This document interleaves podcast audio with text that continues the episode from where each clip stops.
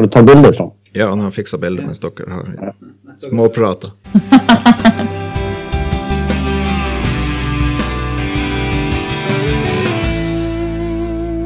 Da ønsker jeg velkommen til eh, Folkepodden. I dag så har jeg med meg eh, stortingsrepresentant fra Senterpartiet, Sandra Borch. Og sjefredaktør i Folkebladet, Steinar Fenriksen. Mitt navn er Stian Jacobsen. Og um, aller først må vi bare gratulere ho, Sandra med dagen. Ikke bare for at du har bursdag, men du har altså skåra Ditt parti har skåra utrolig høyt på ei meningsmåling som er gjort uh, for uh, NRK. Hva, hva, er din sånn umiddelbare reaksjon på det? Jeg må takke for gratulasjonen, i hvert fall til den bursdagen. Men til meningsmålinga så er det jo det er fortsatt lenge igjen til valget. Men det er jo klart at dette gir enorm motivasjon og, uh, til å nå virkelig fortsette kampen for viktige saker, da, særlig for Nord-Norge. Mm. Hva er viktige saker for Nord-Norge? Det er jo en, en, rekke ting. og det er jo sånn som jeg sier Når de, folk spør meg er du klar til å begynne med, med, valgkamp Jeg føler liksom at de tre og et halvt årene jeg har sittet på Stortinget, har vært en eneste stor valgkamp. For det har vært altså eh, kampen for å oppløse Troms og Finnmark, kampen for Bell-helikoptrene på Bardufoss, og nå da den siste mm. kampen for å få, eh, få realisert Nord-Norge-banen, er jo på en måte noen noen få saker av veldig mange som har vært oppe i, i Stortinget og til politisk behandling de siste årene. Vi skal komme litt tilbake til det. Men Steinulf, når du ser denne meningsmålinga, hvilke refleksjoner gjør du deg? Nei, jeg tenker at Sandra kan spise kake i dag både for å feire egen bursdag, men også for en meningsmåling. Den, den viderefører jo en tendens vi har sett lenge. Senterpartiet har truffet en nerve i den nordnorske befolkninga spesielt. Men det, dette gjelder jo egentlig hele landet, i hvert fall eh, Distrikts-Norge. Eh, og, og, tallene er jo, er jo veldig sterke. Og eh, for vår lokale del er det jo artig at vi eh, sånn som det er nå, da, hvis det blir en lang valgkamp, det er rett som hos andre sier, men hvis resultatet holder seg sånn noenlunde sånn som nå, så kan både hun fra Lavangen og han Jarbe Pressbakken fra Salangen eh, komme inn på, på, Stortinget. Det er en styrke for vår region. Sånn, sånn er det jo bare.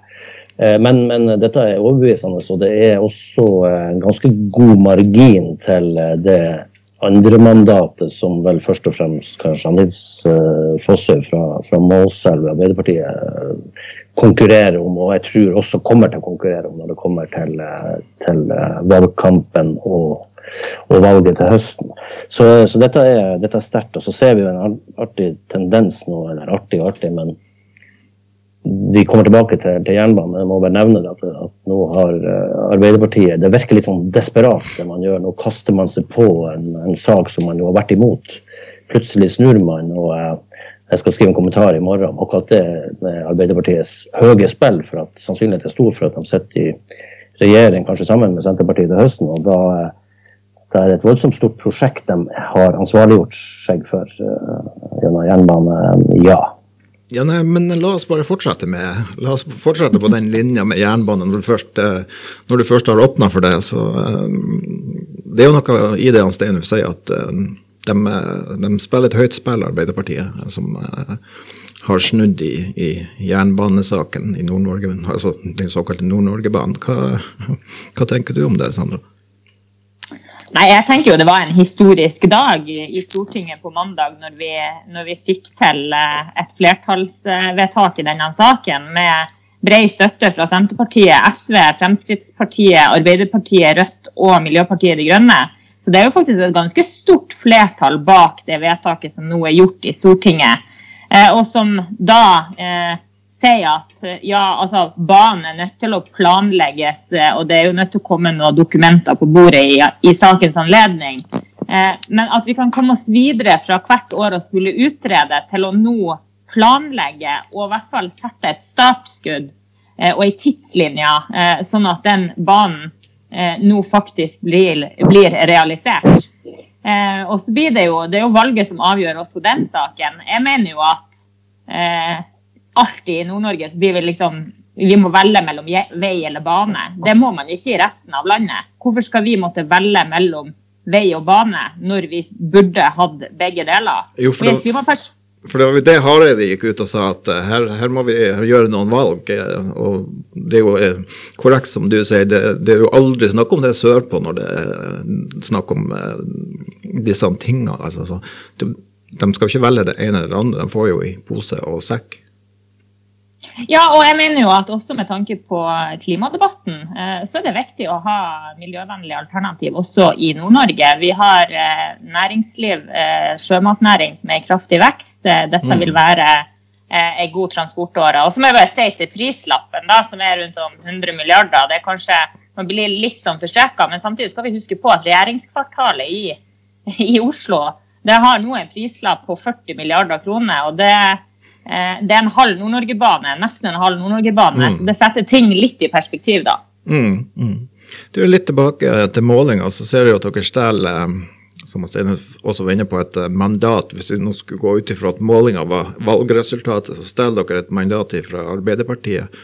Men det frieriet som Arbeiderpartiet har gjort nå, mot Nord-Norge, da, må man jo kunne si, er det det samme hvordan, eh, hvordan, hvor, hvor, man leverer stemmen når man leverer den grønt eller rødt? Hva tenker hvis du? Spør, hvis du spør meg om det? Ja, jeg må spørre deg om det. Så er jo svaret et tydelig nei. Jeg mener jo Senterpartiet har visst gjennom tre og et halvt år nå at vi har hatt tydelige politiske budskap for Nord-Norge, enten det har vært eh, tvangs, eh, tvangssammenslåinger mellom Troms og Finnmark, oppløse den, Bell-helikoptrene, Nord-Norge bane, eh, båt og ferge, billigere båt- og fergepriser. Så lista er jo på en måte lang. Så jeg, jeg oppfatter jo at Senterpartiet er et tydelig parti. Eh, og så oppfatter også den nordnorske befolkninga at nå er man på en måte lei den sentraliseringa til dagens regjering. Og den viktigste motmakta til det i dag, det er Senterpartiet. Du er ikke redd for at det skal bli en for stor populistbølge? Nei, overhodet ikke. Og, altså, vi er opptatt av å snakke om politikk eh, som folk forstår. Eh, altså Ikke bruke store ord og, og, og, fremmede begreper. Dette handler jo om å snakke til, til folk. Eh, så merker vi at Arbeiderpartiet også har lagt seg på den vanlige folk, nær folk-linja som har vært slagordene til Senterpartiet hele veien. Og det må vi jo bare ta som et, et kompliment. Og så kanskje det gjør at vi får gjennomslag for viktige saker for Nord-Norge framover. Mm. Har det Arbeiderpartiet nå liksom, Er det et desperat populistisk forsøk på å fange stemmer i nord? Ja, altså jeg oppfatter i hvert fall den jernbanegreia, og det er kanskje den største saken i, i nord eh, som, som, man eh, er, litt, er desperat for å komme bokstavelig talt på banen. Eh, men, men, det vi har sett, er jo at Arbeiderpartiet ser at Senterpartiet lykkes, med eh, og spesielt i Nord-Norge, med, med, sin, med, de sakene de fremmer, som Sandra nevner, og at man nå kaster seg på, eh, på den bølgen i håp om å, å sanke flere stemmer. Så det, det blir spennende nå fremover. Den meningsmålingen vi har i dag, er jo egentlig tatt opp før denne, dette jernbanevedtaket. Og vi får jo en ny måling for sommeren, så det blir jo veldig spennende å se om Arbeiderpartiet kan, kan tjene noe på det. Jeg må bare si Når det gjelder Nord-Norgebanen, så, så uh, Folkebladet har jo tradisjonelt for, før min tid og i mange år egentlig vært mot uh, Nord-Norgebanen. Uh, som faktisk en del andre, god del andre nordnorske medier også vært først og fremst pga. prislappen. Og jeg har jo sjøl også tvilt meg fram til et ja til jernbanen. Og det, og, det, har jeg gjort ut ifra at man ser det er en illusjon å tro at fylkesveier og riksveier blir rusta opp i større grad hvis vi sier at vi ikke bygger ned Nord-Norge-banen. Mm. Altså her, her, er det snakk om pose og sekk sånn tenking som man gjør, spesielt i det sentrale østlandsområdet. Her skal man både ha tog og motorveier og trykkeskinner og hva det måtte være. Så, så det er en sånn der, jeg tror man har kommet til en erkjennelse at skal vi vinne fram på samferdselssektoren i Nord-Norge, så må vi faktisk både kjempe fram Nord-Norge-banen og fylkesveier. Men hva tenker jeg du? Senja, jeg sitter på Senja akkurat nå og, og, og ser etter på en fylkesvei som går rett forbi her. og Jeg tenker bare at den fylkesveien utover som går til Husøya og Botnhamn og, og, Senjahopen her, den kommer ikke til å bli bedre om vi sier nei til, jern, til jernbanen. Jeg tror at her, vi må, vi må stå i den kampen i Nord-Norge også. og og jeg ser også nå et klart flertall av mediene. Også Nordlys har vært uh, skeptisk til Nord-Norge-banen, men nå er man helt klart for. Og Det tror jeg faktisk er en riktig politikk for Nordland. Hva tenker du om den, den, det som blir kalt for splitt og hersk-metoden til, til Hareide? Altså, jeg synes jo han, Vi har en skribent som Ina Gravem Johansen som har satt et ord på, på han i en, en, en kommentarartikkel og skrev i, i, dagens avis at han var furten. For han framsto rett og slett som furten på TV når han, når han uh, sier at uh, Som en liten unge som sier at gjør du ikke sånn, så blir det sånn. Altså, mm. Nord-Norge kan ikke regne med å, å få jernbanen. Da vil det gå utover veiene, og her må man gjøre et valg. Men, men jeg tenker at det, jeg tror det var en veldig dårlig taktisk opptreden. Han har jo også fått tilbakemelding, også fra egne, mm. på den måten han, han fremsto. Han var direkte sur, fremsto som å være sur for at her setter man samferdselsprosjekter i hele Norge, sa han faktisk. Mm. Og i Nord-Norge på vent, for nå er det liksom bare Nord-Norge-banen. Og som hos andre, selv om det er masse penger det er snakk om, så er det altså eh, Regjeringskvartalet begynner å nærme seg halve prisen, og man har hatt mange andre prosjekter i, Norge. Nå skal vi ikke sammenligne den sykkelbanen i Stavanger, men den framstår som fullstendig latterlig eh, i sånne perspektiver. Og Så så jeg her om dagen at NRK brukte mm, langt innslag på Sørkedalsveien i Oslo, som mm. må få gang- og sykkelsti for at det ikke går an å trene der. Altså da, da blir det, sånn I nordnorsk perspektiv så blir det helt sånn, blir helt sånn himmelfarende. Er det mulig? Er det så, er man, har man så dårlig oversikt over uh, hva som, uh, hvordan situasjonen er i Nord-Norge. Kom de, har, de, har, De, har jo vært der, de har jo sett på forholdene. og så Likevel så står han der og oppfører seg som et enebarn, nærmest, og surker, som du sier. Samme, ja, det blir forbløffa. Samme du like forbløffa? Ja, fordi at eh, Kristelig Folkeparti, som er partiet til Hareide, har jo i hvert fall i Nord-Norge i en lengre periode vært veldig for denne Nord-Norge-banen og, og kjempa aktivt eh, for den. Eh, og Hareide har jo omtalt dem positivt når han har vært på turer i Nord-Norge før han ble statsråd. Mm. Så jeg er litt sånn overraska over det. Og så er jeg jo helt enig i det han eh, sier, at hadde det vært sånn at vi hadde visst at hvis vi ikke brukte 100 milliarder på Nord-Norgebanen, så skulle de gå til fylkesveiene. Eh, det er jo ikke et reelt valg. Vi ser jo det nå i Nasjonal transportplan. Troms og Finnmark får jo ikke ei krone til veiinvestering eh, overhodet i den nasjonale transportplanen. Så jeg tenker at dette tror jeg kan være et sånn felles nordnorsk prosjekt. Eh, men som også vi er nødt til å få, et, eh, få til å bli et nasjonalt prosjekt. Eh, fordi at det er klart at eh, det er jo bare Nord-Norge som nå ikke er bundet sammen av en jernbane. Mm. Eh, og jeg tror dette vil gange hele Norge, ikke bare Nord-Norge. Mm, mm. Hva du tenker du? ja, Det er litt interessant også å se på reaksjonene fra Oslo og sentrale østlandsområdet, ikke minst i media. Eh, jeg sitter fremfor meg med lederartikkelen fra Aftenposten i går som kaller Nord-Norgebanen for verdens dyreste turistattraksjon.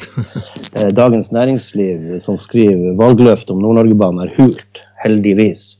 Og så hadde vi jo Gunnar Stavrum i Nettavisen som kalte det for et politisk bedrageri. Tenk hvis vi skulle ha brukt samme ordene, nå er det faktisk noen som har begynt med det også, om store prosjekter på, uh, på det sentrale østlandsområdet. Flytoget for et uh, bedrageri. Altså, det er sånn, det, ja, og der er det jo splitt og hersk, og det er der frontene blir satt opp mot hverandre. og Da mm. skal man jo mene hva man vil om, om eh, at vi har, vi har jo kritisert kommentariatet, som vi sier i Akersgata, men uh, nå tok det helt av. Det var liksom, altså det, det, er ingen, det er ikke en flik av forståelse for et nordnorsk krav. Som hos andre sier, det er, det er den lille biten igjen. Det er jo ikke, en liten bit i forhold til, til avstandene i nord. og Det er jo egentlig ikke Nord-Norge-banen heller. Han skal stoppe i Troms. Mm. Så det må vi være obs på. Og, men hvis jeg ser Det er et kjent togprogram som går på NRK som du kan se eh, hver gang som, hvor, hvor altså, jernbanen går gjennom Sibir, han går gjennom Alaska. Han går nesten ikke bor folk. Og det er en selvfølge. Det skal være jernbane der. For det er den mest mm. effektive eh, måten, også klimamessig, faktisk frakte store mengder gods og, og, litt folk og litt turister også, selvfølgelig. Hva tenker du, Sandra, om eh, kommentatorkorpset i Akersgata, det som Steinhoff påpeker her? Nei, altså, de, de, visste jo sitt sanne jeg med de kommentarartiklene de hadde etter det vedtaket som ble gjort. Og jeg syns jo Dagens Næringsliv hadde, hvis man kan se i gåsøya, den beste for de visste jo ikke hvor denne Nord-Norgebanen skulle gå fra. De mente jo at den skulle gå fra Bodø til Fauske. Så det vitner jo bare om at dette landet det er stort, og Nord-Norge det er stort. Eh, og kanskje hovedstadsmedia burde komme seg, eh, særlig da Dagens Næringsliv, komme seg litt ut, eh, ut i landet og se hvordan utfordringen faktisk er her. Og så er han Steinulf inne på det som går på miljøaspektet, og det ser vi jo i Sverige nå, på rett over grensa. Nordbotnbanen bygges jo der. Og det er jo en del av det klimaperspektivet, men også en del av næringslivet med tanke på, på mineraler, malm mm. eh, osv. Så, mm. videre. så jeg tenker jo vi bør jo ikke ha lavere ambisjoner i, i, Norge enn man har i, i, Sverige. Og når til og med Finland har større ambisjoner på vegne av Nord-Norge, som ønsker å bygge en eh, jernbane til Kirkenes, så, eh, så, er det på tide at vi tar også et politisk valg nå i, i Stortinget og faktisk får realisert Nord-Norge-banen. Tror du at det kommer til å gå et tog? Ja, jeg har mer trua nå enn jeg har hatt tidligere. Altså, jeg, jeg, meldte meg jo inn i ungdomspolitikken da jeg var 17-18 år, og dette var jo en av de store sakene som var viktig for ungdom. Og det tror jeg òg vi ser ungdommen i nord er veldig opptatt av Nord-Norgebanen. Og nå trenger vi på en måte et, et stort prosjekt som også kan være med å, å løfte framtids, framtidstrua til, til Nord-Norge, når vi ser fraflyttingstallene som kom eh, tidligere i år. Så mm. tror jeg dette er et kjempeprosjekt for Nord-Norge. Mm. Vi skal snakke litt om eh, valgkampen. Eh, for den eh, Ja, vi må jo kunne si at valgkampen er i gang. Jeg vil jo påstå det. Men hvordan blir det nå, Sandra? Skal, vi står i en pandemi, og, og ikke bare Senterpartiet, men alle partier skal i gang med valgkampen. Hvordan tror du den kommer til å utarte seg i år, sånn kontra for fire år siden? Nei, jeg tror det blir annerledes. Jeg tror ikke vi får reise så mye som, som, vi pleier å gjøre i valgkampen. Og det er jo det som er hele hensikten med valgkamp, er jo å reise og møte folk. Så jeg er litt spent på hvordan, hvordan det blir lagt opp. Og vi sitter jo nå og venter på får vi delta på Husøydagene, får vi delta på landbruksmessa eh, osv. Så, videre. så det blir jo en annerledes valgkamp. Og jeg tror jo fortsatt at en del kommer til å foregå på Teams, eh, sånn som vi sitter nå. Eh, og det tenker jo jeg, det er litt utfordrende eh, også for det valget vi skal gjennom. For det, nok, det er noe med det der å møte folk ansikt til ansikt over en mm. kaffekopp, eh, diskutere politikk. Mm.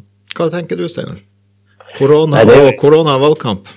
Ja, det er jo en demokratisk utfordring. For at det vi ser, det er jo at um, i hvert fall sosiale medier og uh, det, det kommer, vi, vi, plages jo også av la oss kalle det fake news her. Når politikerne er ute og møter folk ansikt til ansikt, så, så får man en mer sånn åpenhet og ærlighet og bedre debatt, bedre ordskifte. Og jeg tenker jo med gru på det, det Sandra sier. På mandag skal jeg et møte om Husøydagene, som hun nevner konkret, som er jo et av mm. de viktigste lokalt hos oss eh, arrangementene. Og, og skal man ikke ha Husøydagene i år, i, i, i, fjor var det for så vidt greit. Det, det, var ikke valg, men i år er det valg. Og det er et viktig valg, ikke minst for Nord-Norge og fiskeripolitikk og sjømatveier og hele greia. Mm. Så jeg, jeg, har jo gledd meg til det.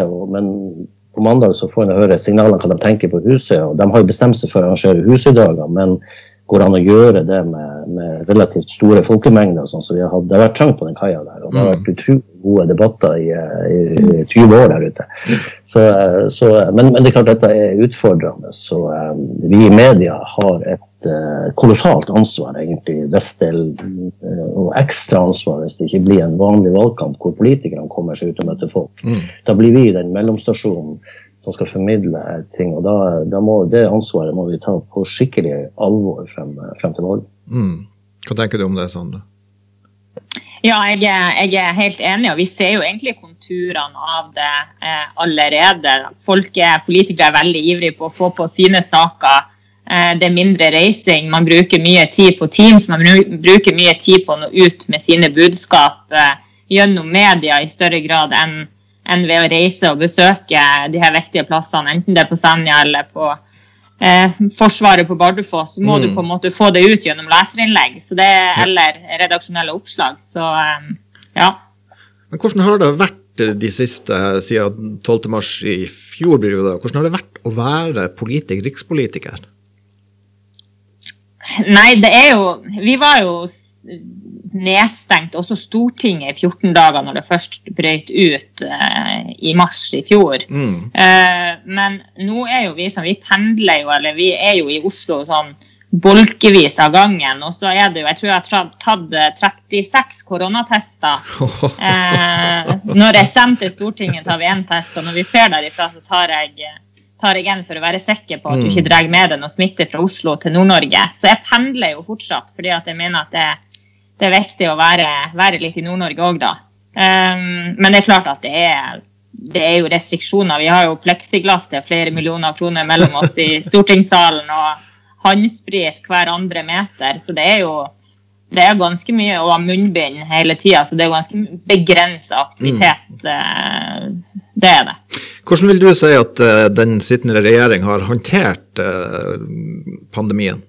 Eh, vi har vært opptatt hele tida at vi skal ikke gjøre denne pandemien eh, til noe Altså gjøre den eh, til bare politikk, med tanke på at den var ganske alvorlig når den brøt ut. Men det er jo klart vi har vært kritiske til en del av de her eh, gjenåpningsreglene nå, mm. særlig med tanke på områder med lite smitte og områder med stort smitte. At du, du kan ha litt sånn ulike regler. Mm. Og det handler jo om å få næringsliv i gang, og ikke minst så handler det om å få samfunnet i gang. Uh, jeg er jo mest bekymra for barn og unge som nå uh, faller fra i idretten og i sosiale og fysiske aktiviteter. Jeg tror vi kommer til å få et kjempeansvar for å prøve å, å bygge opp den frivilligheten og, og, idretten, kultur- og idrettsaktiviteter etterpå. Mm, og idretten har jo du vært inne på mange ganger, når vi har snakka om korona.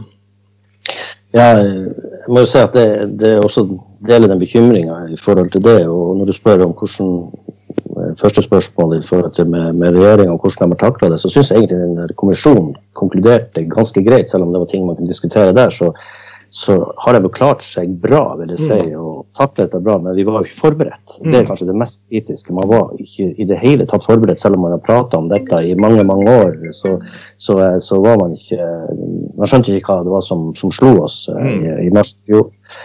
Og eh, hvis man det vanskelige syns jeg har vært hele tida. Det har vært å egentlig skjønne både en del av de reglene som har vært, og også det som Sandra var inne på, dette med at man ikke har differensiert i større grad. Vi har altså eh, hvor mange, smitte, hvor mange tester sa du du hadde hatt? Så kan jeg si at jeg har ikke tatt en eneste en. Mm. For jeg har aldri vært i en situasjon hvor det har vært påkrevd. Mm. Eh, vi har tatt våre forholdsregler. og eh, fotballtrener for et damelag som, eh, hvor de som er over 20 år ikke har kunnet drøve med konkurranser siden høsten 2019. Og vi har ikke hatt smitte i det hele tatt i si, idrettsmiljøet. Og vi, vi uh, kunne ha trent ute og egentlig gjort det og fulgt reglene uh, hvis, vi, hadde hvis man kunne sluppet litt opp i, i, disse områdene. For det er jo enormt stor forskjell å være i Oslo og være på Finnsnes, for å si det sånn. Det, det er ikke til å sammenligne i det hele tatt. Så det er kanskje det man er mest kritisk til i forhold til måten man har takla det på. Større differensiering og mer hensyn. For det, dette har vart så lenge nå at dette kommer til å få det vet vi, det får konsekvenser mm. for ungdom. Mm som driver med idrett, kultur og hva det måtte være. Eh, så det, jeg tror ikke vi har sett det ennå, følgen av det. Og ikke minst, og ikke minst russen, som ikke får herja fra seg. Ja, russen, og de, jeg har snakka mange om de som er liksom bekka 20 år, som, mm. Eh, som ikke får, får drevet med idrett, som, som har begynt å studere og, og mm. reist ut til Tromsø eller Trondheim eller Oslo, som ikke har fått levd studentlivet. Både selvfølgelig det faglige, men alle som har vært student, vet at det sosiale biten det det er både, det er både en, en, en, good feeling å drive og, og ha mm. og sånn sosialt nettverk, men det er også en, en læreprosess i det med sosialisering. og den, Det er det altså en generasjon ungdom som har gått glipp av, i hvert fall starten. Så vi bare håper at det går seg til. Okay. Fort. Mm. Skal vi uh, slippe alvoret litt, og så skal vi eh, Bruker vi jo vanligvis å ha helgas anbefaling, men eh, denne gangen så skal jeg vri litt på det. Jeg skal kjøre en quiz. Og denne quizen skal i sin helhet handle om Senterpartiet. Urettferdig. Ja, det kan være urettferdig, men det trenger ikke å være det. Eh, jeg tenker at dere, eh, jeg stiller spørsmål, så roper dere navnet deres for den som uh, vet svaret. Og da skal vi kjøre første spørsmål, og det er bare om å være kjapp her. Hva var det opprinnelige navnet på Senterpartiet? Sandra, Sandra var først. det var bon- Bondepartiet. Kan du eh, Jeg skulle følge opp med et spørsmål der og spørre når var det stifta? 1920. Det er også korrekt. Da vi, eh, vi kjører et poeng på Sandra der. Imponerende. Jeg har klart Bondepartiet, men ikke 1920. Jeg tror nok jeg har vært nærmere eh, århundreskiftet enn ti år tidligere. Men det Vi hadde, hadde 100-årsjubileum i fjor, så det kunne jeg huske. Du husker festen? Ja. et uh, spørsmål, og her er det om å være veldig kjapp. I 2012 så skapte Senterungdommen furore. Hvorfor? Sandra, det var vel jeg som gjorde det. Stian, hva er lønnsforhandlingene? Men hva, hva som skjedde? Nei, altså, det kan jo, Er det en politisk sak, eller handler det om eh, personer? Nei, det, det, kan jeg ikke svare på, for her må du eh, ta en sjanse. Det er vel Dyrøy-seminaret og konflikten mellom ungdomspartilederen og partilederen. Nei, dessverre. Det er feil. Nei, ok. Steinar, får du et forslag? Hva skapte Senterungdommen furore med i 2012? Det var vel et eller annet de gikk inn for som var ganske Ingen politisk sak. Ah, Eh, jeg Sandra. catcher ikke. Sandra? Er det en kalender? Det er en kalender! Steinar, den burde du ha tatt. Sandra, du får rett her og der. Vi, vi må jo fortsette, det var litt gøy. Hvem var den første lederen av eh, Senterpartiet, eller Bondepartiet? Å, kom igjen. Steinar Sverdrup? Nei, var det? Nei, det er feil. Det var Johan Melby. Ja, hvem så? Han var slekt med eh, Melby som Nei, det er han. Ja, nei, håper ikke det. Nei. Men vi skal ta en annen som kanskje er litt enklere. Hvem var den første statsministeren fra Senterpartiet? Steinar Yes. Borten? Nei. Nei, det var selvfølgelig noen før Det var i 1931, det kan jeg avs- avsløre. Nei. Peder Kolstad. Vi har noen til. Eh, hva regnes som Senterpartiets største politiske seier? Og her ble det veldig handlestille. Hadde, ja, Ja. Eh, hadde det med Borten Nei. regjeringa å gjøre? Nei.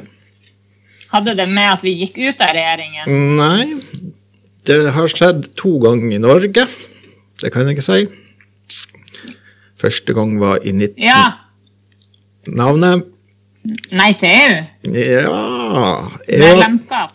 Folkeavstemninga for EU i Yes. 94. Der fikk du tre poeng. Jeg har to spørsmål til. Du klarer ikke å ta henne igjen. Ja, jeg Kanskje. det. Men, men, men Ja, du kan ha en sjanse, for det er tre poeng på det ene. Senterpartiet, Senterpartiet har hatt tre statsministre.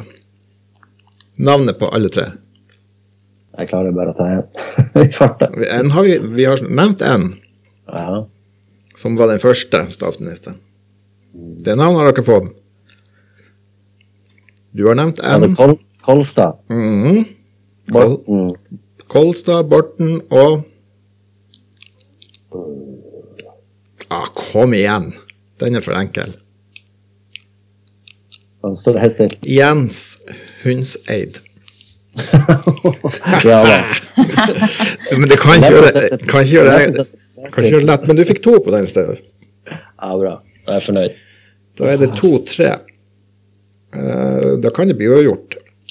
Eh, for det, mm, det er ett poeng på den siste. Hvor mange regjeringer har Senterpartiet sittet i? Er det bare å gjette? Jeg er nødt til å ta en wild guess der for å ha sjanse til å utligne. Men det har nok vært eh, Jeg tipper fem. Fem tipper du. Hva du tipper Sandra? Eh, skal vi se. Ja, vi er på Jeg tipper seks. Korrekt svar er faktisk ni. Å, såpass. ni regjeringer. og Sandra var nærmest. Sandra var nærmest.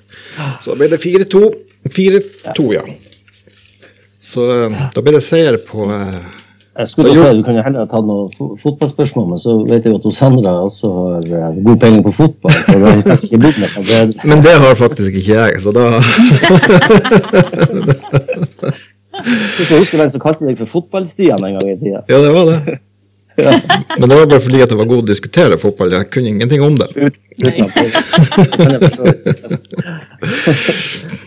Med det så skal vi avslutte vår podkast, og helt til slutt eh, nok en gang gratulere med bursdagen din i dag, Sandra. Og eh, vi avslutter med å si at eh, med i studio var Steinar Fenriksen, Sandra Borch. Mitt navn er Stian Jacobsen, og på teknikk, skikk og bruk og på knapper og alt mulig rart der borte, Trond Sandnes. Takk for oss.